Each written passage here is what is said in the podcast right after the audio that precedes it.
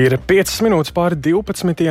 ir pirmdiena, 31. jūlijas, un turpmākajā pusstundā ziņu raidījumā pusdiena plašāk skaidrosim šīs dienas būtiskākos notikumus. Studijā Kristaps Feldmanis. Esiet sveicināti!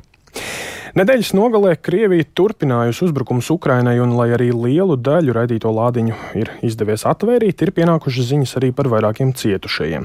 Šorīt Latvijas radio raidījumā Labrīt kolēģi Arta Skuja izvaicāja Latvijas radio korespondenti Ukrainā Indru Sprānci par to, kā Ukrainā aizvadīt nedēļas nogali. Nedēļas nogalē un arī šonakt turpinājās Krievijas uzbrukuma Ukrainai. Uh, šonakt īsi pēc pusnakts Krievija raidīja raķetes uz Harkivu, kur ziņots uh, gan par sprādzieniem, gan arī um, izraisīt ugunsgrēku. Šo, šobrīd apzināts viens cietušais. Tāpat vakar Krievija turpināja uzbrukumu Sumu apgabalam apšaudot 22 apdzīvotas vietas šajā apgabalā. Šajos uzbrukumos izpostītas trīs dzīvojamās ēkas, viens cilvēks cietis, un sumi regulāri tiek apšaudīti faktiski katru dienu. Nedēļas nogalē bija arī ļoti smags uh, uzbrukums, kurā cieta vietējā arotskola. Um, šajā uzbrukumā gāja bojā divi cilvēki, bet 20 guva ievainojums. Un vakar ar kasešu ieročiem apšaudīt arī Konstantīņievka Donetskas apgabalā apgabalā, kā rezultātā ievainojums guvuši trīs viet, vietējie iedzīvotāji. Un uh, smags uzbrukums nedēļas nogalē noticis arī Dņipro, kur cieta deviņi cilvēki, tajā skaitā divi bērni. Tāpat nedēļas nogalē ar uh, mīnmetējiem apšaudīts arī Černīhivas apgabals. Tikmēr Kīvā nedēļas nogala pagāja salīdzinoši mierīgi. Uh, gaisa trauksmes un uzbrukumu galvaspilsētā šajā nedēļas nogalē vispār nebija līdz pat šai naktī, kad īsi pēc pusnakts bija. Um, turpat stundu ilga gaisa trauksme, bet šajā uzbrukumā raķetes uh, mērķēja par Harkivu, mm. kā jau minēju. Jā, nu, ņemot vērā šo situāciju, ko tu vari sacīt, kāds noskaņojums šobrīd ir pašiem Ukraiņiem? Nu, no tā, ko man ir teikuši vietējie iedzīvotāji te Kīvā un arī kas ir redzams vietējos medijos un lasāms, Ukraiņi ir ļoti apņēmīgi pārvarēt visus izaicinājumus. Tāpēc šobrīd vasaras mēnešos ļoti aktīvi gatavojas ziemai. Proti labo ēkas, ierīko bumbu patvērtnes tur, kur tās nebija, vai arī tās uzlabo un nu, kopumā gatavojas šim te grūtākiem periodam, kas gaidāms rudenī un ziemā. Un no tiek prognozēts, ka šī rudens un ziemas sezona atkal varētu izvērsties ļoti smaga, ja Krievija turpinās savus uzbrukumus pa energoapgādes infrastruktūru, kā tas notika pagājušā ziemā. Nu, tāpēc tagad ne tikai Kīva, visa Ukraina ļoti rūpīgi gatavojas jaunajai apkuras sezonai, un valdības līmenī pat ir izveidots tāds tā kā speciāls štābs, jeb darba grupa, un energoobjekti tiek remontēti, gāzi uzkrāta un tiek domāts nevien par visu jaudu atjaunošanu, bet arī par kapacitātes palielināšanu un, un, un par šiem drošības um, jautājumiem. Tas par notikumiem Ukrainā dzirdējāt fragmentu no šī rīta raidījuma. Labrīt, bet um, tikmēr aizdītajā nedēļā uzbrukums piedzīvojas arī agresoru valsts Krievija. Pēdējās dienās tās teritorijā ir notikuši vairāki uzbrukumi ar droniem. Lielāko ievērību izpelnījās trieciens pa valsts galvaspilsētas finanšu rajonu, jeb Maskavas sitiju. Krievija uzbrukumos vaino Ukrainu, kuras amatpersonas ir devušas mājienus par savas valsts iespējamo saistību ar dronu triecieniem. Rietumu valstu analītiķi uzskata, ka dronu triecieni dziļi dziļi Krievijas teritorijā liek uzdot nopietnus jautājumus par valsts pretgaisa aizsardzības spējām. Vairāk par šo tēmu pastāstīs kolēģis Uldis Česberis, kurš mums ir pievienojies tiešraidē. Sveiks! Jā, sveicināts Kristaps, sveicināt Latvijas radio klausītāji. Jā, nu lūdzu pastāsti, kur pēdējās dienās ir notikuši dronu uzlidojumi tieši Krievijas teritorijā. Jā, Krievijas neatkarīgais izdevums Medūza šorīt ziņo, ka vakar vakarā Nekļinovskas rajonā Rostovas apgabalā ir nogāzies un eksplodējis drons, un šī sprādziena rezultātā aizdegās privātmājā, saimniecības ēka un automašīna. Uzbrukumā neviens cilvēks nav nogalināts vai ievainots, un vietējās varas iestādes tagad noskaidro, kam drons, drons piederēja. Savukārt naktī Brjanskas apgabala Trupčevskas pilsētā drons trāpīja rajona policijas pārvaldes ēkā. Uzbrukumā bojāts ēkas jumts un izsisti uh, logu stikli, un arī tur nav ziņu par cietušajiem. Bet vietējās varas iestādes uzbrukumā vainojušas Ukrainu. Uh, Rostovas un Brjanskas apgabalī robežojas ar Ukrainu un atrodas salīdzinoši tuvu frontei, tāpēc tur arī iepriekš ir apšaudītas apdzīvotas, apdzīvotās vietas. Nu, taču citādāk ir ar Krievijas galvaspilsētu Maskavu, kas atrodas vairāk nekā 500 km no frontes. Tāpēc nav zināms, tāpēc, nu, zināms pārsteigums bija vakar agri no rīta notikušais dronu uzbrukums Maskavas finanšu rajonam, kur atrodas modernas daudzstāvu biroju un dzīvojamās ēkas. Un virs rajona esot notriekti divi droni, taču to atlūzas trāpīja divām ēkām, nodrot postījums to fasādēm. Un eh, vienā no ēkām eh, bija izvietotas vairākas ministrijas un eh, federālās iestādes. Un arī šajā uzbrukumā Krievija vainoja Ukrainu.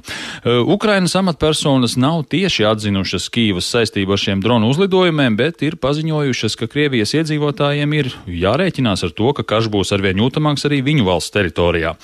Piemēram, Ukrainas gaisa spēku pārstāvs Jurijs Ihnats sacīja, ka turpmāk Krievijā nebūs mierīgi arī reģionos, kas atrodas tālu no Ukrainas pierobežas, un ar līdzīgu paziņojumu vakar nāca klajā arī Ukrainas prezidents Volodimirs Zelenskis, un varam šo paziņojumu paklausīties. Російська агресія зазнала банкрутства на полі бою. Сьогодні вже Krievijas agresija kaujas laukā ir bankrotējusi. Šodien ir 522. diena tā sauktajai speciālajai militārajai operācijai, ko Krievijas valdība plānoja pabeigt nedēļā vai divās. Ukraina kļūst spēcīgāka. Karš pamazām atgriežas Krievijas teritorijā, tās simboliskajos centros un militārajās bāzēs, un tas ir neizbēgams, dabisks un pilnībā taisnīgs process. Absolūti spravedlīgs process. Jā, nu dzirdējām Ukrainas prezidenta Volodimira Zelenska komentāru, bet uh, ko par dronu uzbrukumiem Krievijas teritorijā domā rietumvalstu eksperti? Nu, Rietumvalstu eksperti kā maz ticamu izslēdz šur tur izskanējušo versiju, ka dronu uzbrukumi varētu būt pašas Krievijas īstenoti, lai nu, tādā veidā vairotu sabiedrības atbalstu karam Ukrainā. Atvaļinātais Austrālijas bruņoto spēku ģenerālmajors un vairāku domnīcu līdzstrādnieks Miks Rajens ir pārliecināts, ka aiz šiem uzbrukumiem stāv Ukraina, kurai esot visas tiesības šādi atbildēt uz Krievijas regulārajiem raķešu un dronu triecieniem pa Ukrainas pilsētām. Viņa prāt ar šiem uzbrukumiem Kīva arī vēloties atgādināt Krievijas iedzīvotājiem, ka karš nenotiek tikai Ukrainas teritorijā. Savukārt Britu militārais analītiķis Franks Ledvičs izceļ to, ka droni spēja sasniegt mērķus dziļi Krievijas teritorijā un varam paklausīties viņa teikto. Russia, before this war, was considered to have Pirms kara tika uzskatīts, ka Krievijas rīcībā iespējams ir pasaulē labākā pretgaisa aizsardzības sistēma. Tas bija Krievijas galvenais spēks, un to joprojām var uzskatīt par ļoti spēcīgu. Bet fakts, ka Ukraina, ja pieņemam, ka tā patiešām ir Ukraina, var palaist dronus, kas spēj nolidot 500 km pār aizsargātu Krievijas teritoriju un trāpīt mērķiem Maskavā, ir ļoti nozīmīgs. Tas pasaka daudz par Krievijas pretgaisa aizsardzības sistēmu sistēmu patiesajām spējām. Jā, bet Ukrāņu izcelsmes amerikāņu militārais eksperts Aleksandrs Vidmans uzskata, ka pēc šiem dronu uzbrukumiem Maskavai un arī Krievijas reģioniem blakus Ukrainai Krievijas Eiropas daļa būtu jāpasludina par kara zonu, bet eh, starptautiskās, eh, starptautiskās civilās aviācijas organizācijai būtu jāslēdz gaisa telpā šajā zonā. Kristap? Jā, paldies eh, par sarunu. Paldies Uldim Česberim. Tātad sarunājamies par pēdējā laika dronu uzbrukumiem, kurus piedzīvojusi Krievija, bet nu par kādu citu, taču ar kāru cieši saistītu tematu. Valsts prezidents Edgars Rinkēvičs šodien tiekas ar valsts robežsardas priekšnieku Gunti Pujātu un vadību kā arī apmeklē robežsardzes štābu. Tikšanās mērķis ir pārunāt robežas drošību un robežsardzes gatavību apstākļos, kad pieaug bažas par iespējamām militārā grupējuma Wagner provokācijām pie Baltkrievijas robežas. Polija jau aizvadītajā nedēļā ir ziņojusi, ka tās valdības rīcībā ir informācija, ka Baltkrievijā izvietotie algotņi no Krievijas paramilitārā grupējuma Wagner ir devušies Suvalku koridoru virzienā. Kā varētu attīstīties situācija uz Eiropas Savienības, konkrēti arī Latvijas un Baltkrievijas robežas, to šajā mirklī veicāšu ģeopolitikas pētījuma centra direktoram un Vidzemes augstskolas prorektoram Mārim Anžānam. Labdien! Labdien! Jā, nu, Polija arvien uzstājīgāk pauž bažas par Vāgneriešu atrašanos pierobežā. Ar ko tas saistāms? Nu, pirmkārt, Polija ir viens no stingrākajiem Ukraiņas atbalstītājiem, viens no nozīmīgākajiem. Tāpēc arī nav brīnums, ka Krievija un arī Baltkrievija tieši pret Poliju vērš dažādas aktivitātes. Tostarp pamatā migrantu krīze pret Poliju Un arī nu, šis Wagneriešu stāsts, kur Lukašenko dižojās, ka redz, viņš nevarot atturēt Wagneriešu no vēlmes doties ekskursijā uz Poliju. Bet nu, tādas, Polija viennozīmīgi ir mērķis. Bet bažas ir pamatotas vai tomēr nu, tās varētu uzskatīt par pārspīlētām? Es teiktu, ka ir, protams, jābūt piesardzīgiem, bet uh, drīzāk jau Wagners pats tiek izmantots kā tāds bubulis, lai, lai vairāk iebiedētu uh, Um, un, un, protams, mēs nezinām, kā tas var praksē izvērsties, bet ir jāatcerās, ka Wagner nerīkosies neatkarīgi. Tas būs tikai un vienīgi ar uh, Krievijas un Baltkrievijas institūcijas ziņu. Un tā nebūs kaut kāda neatkarīga darbība, ko viņi paši izdomās un ko viņi darīs. Uh, ja kas, kas notiks, ja notiks, tad to būs sankcionējis Krievija.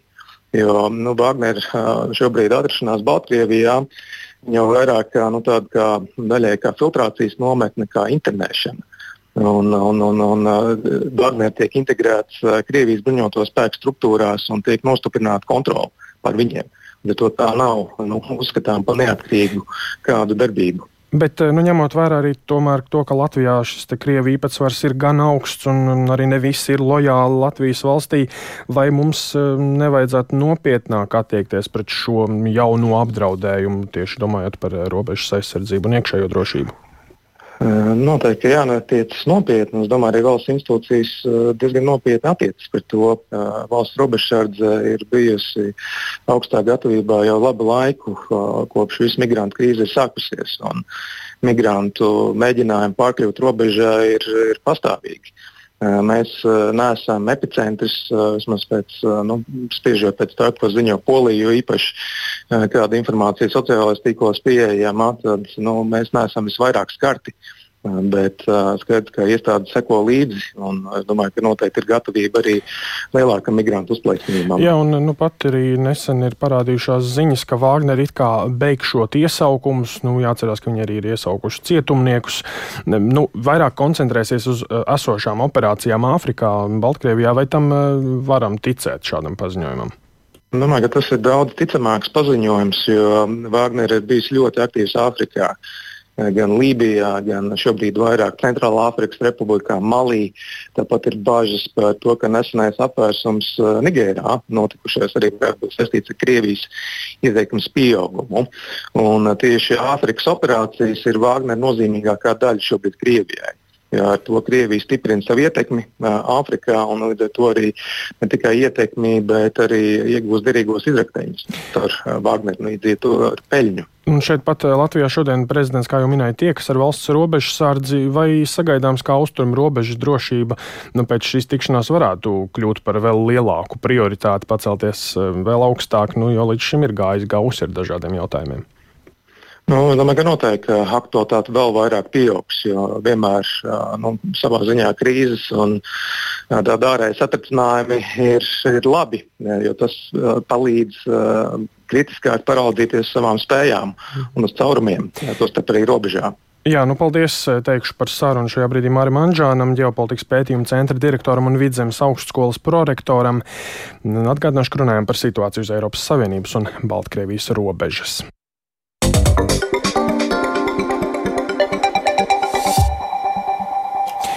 Turpināsim ar citiem tematiem. Neraugoties uz cenu kāpumu, pieprasījums pēc veselības apdrošināšanas polisēm ir stabils un pat ar mazliet augšupejošiem rādītājiem. Taču krītas polišu segums, tāpēc vai nu apmaksāti ir mazāk pakalpojumi, vai arī klientiem jāvelta lielāks līdzmaksājums no pašu maciņiem. Gan polišu, gan medicīnas pakalpojumu sadārdzināšanās uzrāda vēl vienu, bet zināmu tendenci. Lielākie cietēji ir vismazāk turīgie. Par šo tēmu plašāk stāstīt Gars Kupčs. Pieprasījums pēc veselības apdrošināšanas polisēm ir stabili pozitīvs. Tā vērtēja Latvijas apdrošinātāja asociācijas vadītājs Jānis Bāšins. Kāds uzņēmums saviem darbiniekiem polises pārstājot pirkt, bet tā vietā nākot cits. Ja mēs skatāmies uz inflāciju un uz, uz polišu cenām, tad tur ir grūtāka situācija, jo medicīna ir tā joma, kur būtībā katru gadu inflācija ir lielāka vai mazāka. Un pašlaik tā inflācija ir diezgan spēcīga, kas nozīmē to, ka nu, ir tāds mīlas trīsstūris starp klientu, kurš grib maksāt mazāk un saņemt vairāk, starp apdrošinātāju, kurš grib tomēr nopelnīt, un starp medicīnas iestādi, kura arī grib nopelnīt un ir spiesta kaut kur pamazām celt arī cenas. Sakas ir tādas, ka daļa klientu saņem mazvērtīgākas polises ar lielāku klientu līdzmaksājumu. Dažos gadījumos apdrošinātāji cenas pat neceļot uz savu izmaksu un efektivitātes rēķina.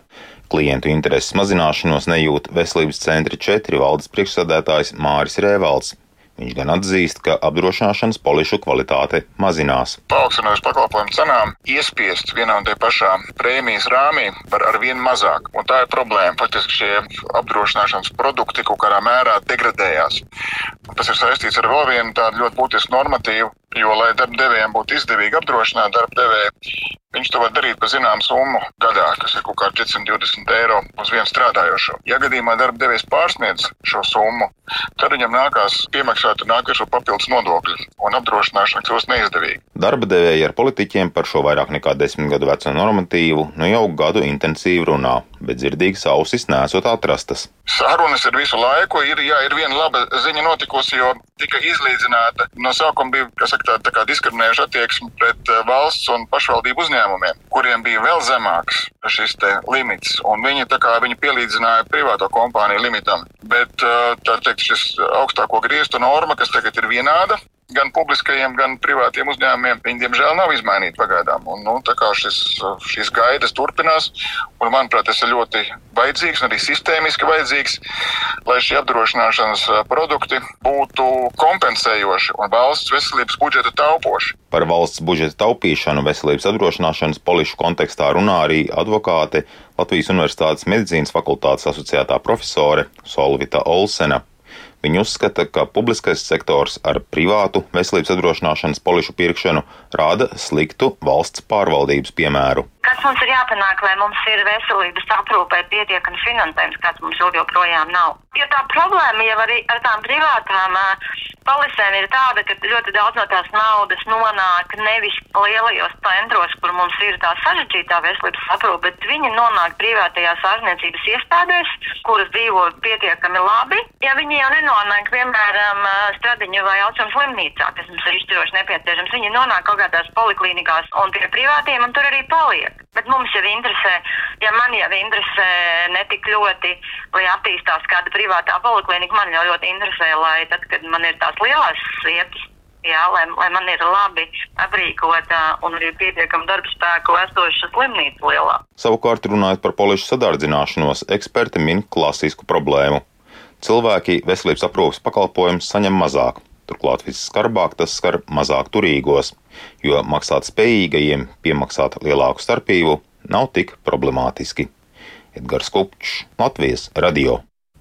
Ar veselības aprūpas jautājumiem mēs arī turpināsim mūsu programmu pusdiena.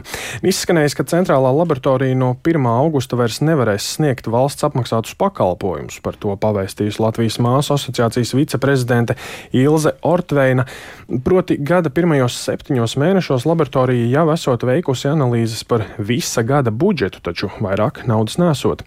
Nu, vairāk centusies noskaidrot Zāne Eniņa, kura man šobrīd ir pievienojusies studijā. Sveika! Sveiks, Kristaps, sveiki, klausītāji.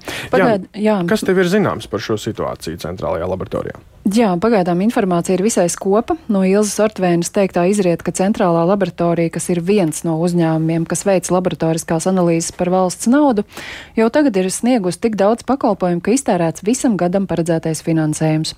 Un, lai turpinātu, vajadzīga papildus nauda vai vismaz garantijas, ka par darbu atlikušajos gada mēnešos tiks samaksāts. To Ilzi Ortvēna paudusi TV24 raidījumā Nacionālais interešu klubs, un par to izteikusies arī Latvijas ārstu biedrības prezidenta Ilzi Aizsilniece. Tam esot objektīvi iemesli, ka laboratorija jau sniegus tik daudz pakalpojumu, proti gada pirmajos četros mēnešos saslimstība esot palielinājusies par 20%. Atbilstīgi pieaugus arī nepieciešamība sūtīt pacientus uz analīzēm. Mēģināju sazināties gan ar Centrālo laboratoriju, gan Nacionālo veselības dienestu, kas ir galvenā līgumslēdzēja iestāde, lai noskaidrotu, kā situācija tiek risināta un kā un vai no rītdienas varētu mainīties kārtība, kā nosūt uz analīzēm. Taču tieši pašlaik par to notiekot sarunas. Abas puses komentārus solīja vēlāk. Kristof. Nu, tad mēs noteikti arī turpināsim sekot šiem jautājumiem, bet um, kā ir citās laboratorijās, vai arī tur ir problēmas? Es pagūstu sazināties ar Gulbi laboratoriju, ar ar tās pārstāvi Džinetu Dimanti, un viņa apliecināja, ka šajā laboratorijā esot tieši tāpat ir pārstrāde, un arī šim uzņēmumam pusdienlaikā notiek sarunas par turpmāko pakalpojumu sniegšanu. Un vēl es atgādināšu, ka jūnijā valdība atbalstīja papildus 140 miljonu eiro pārdali veselības nozarei, lai tā varētu funkcionēt līdz gada beigām. Citu ministriju un iestāžu budžetos šim nolūkam tika atrast 57 miljoni, pārējo plānots iegūt no dažādām citām pozīcijām un programmām.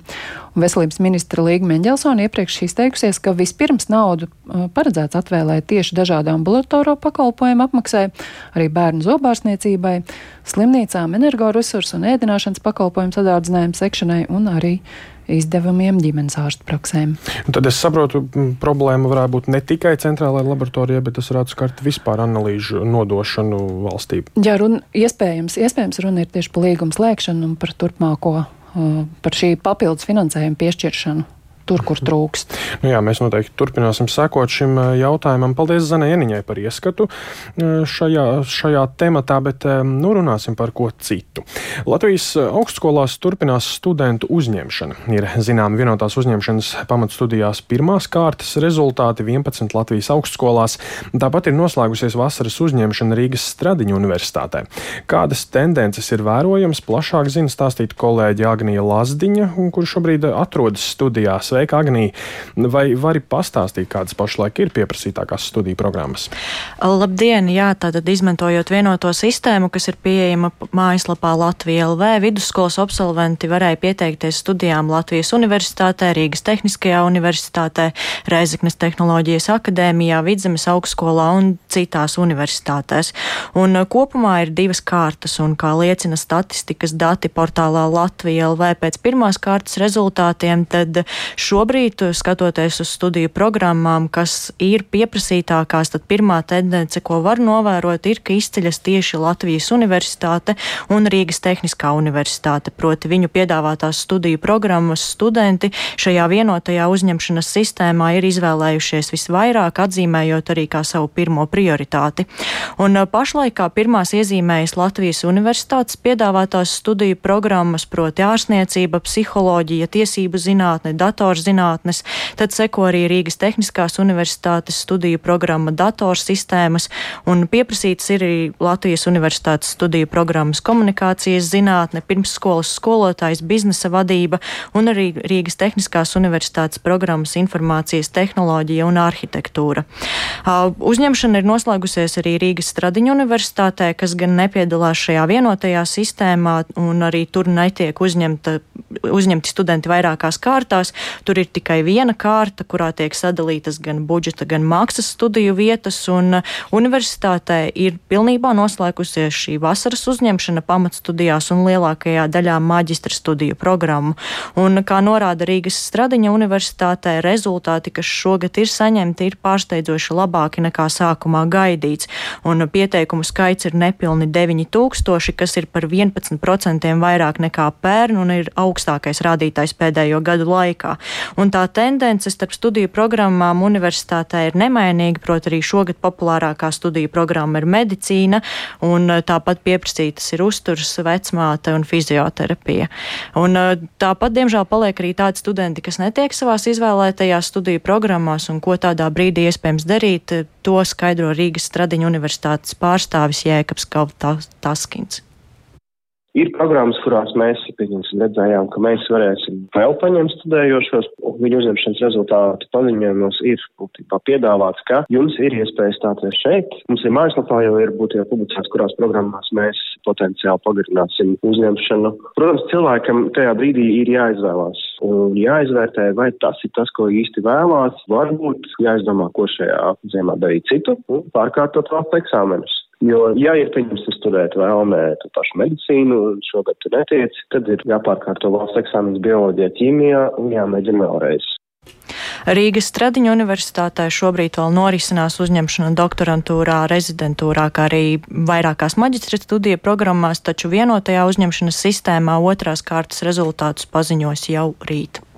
Jā, paldies Sagnijai Lazdiņai par ieskatu tajā, kā norisinās uzņemšana studijās, bet ar to arī izskan redzījums pusdiena. Producents Kārlis Dagilis ierakstus montēja Krišāns Stikāns par labskaņu rūpējās Mārtiņš Paeglis, bet ar jums sarunājās Kristaps Feldmanis. Vēlreiz īsumā par svarīgāko. Laikā, kad Baltkrievijas kaimiņu valstis Eiropas Savienībā pauž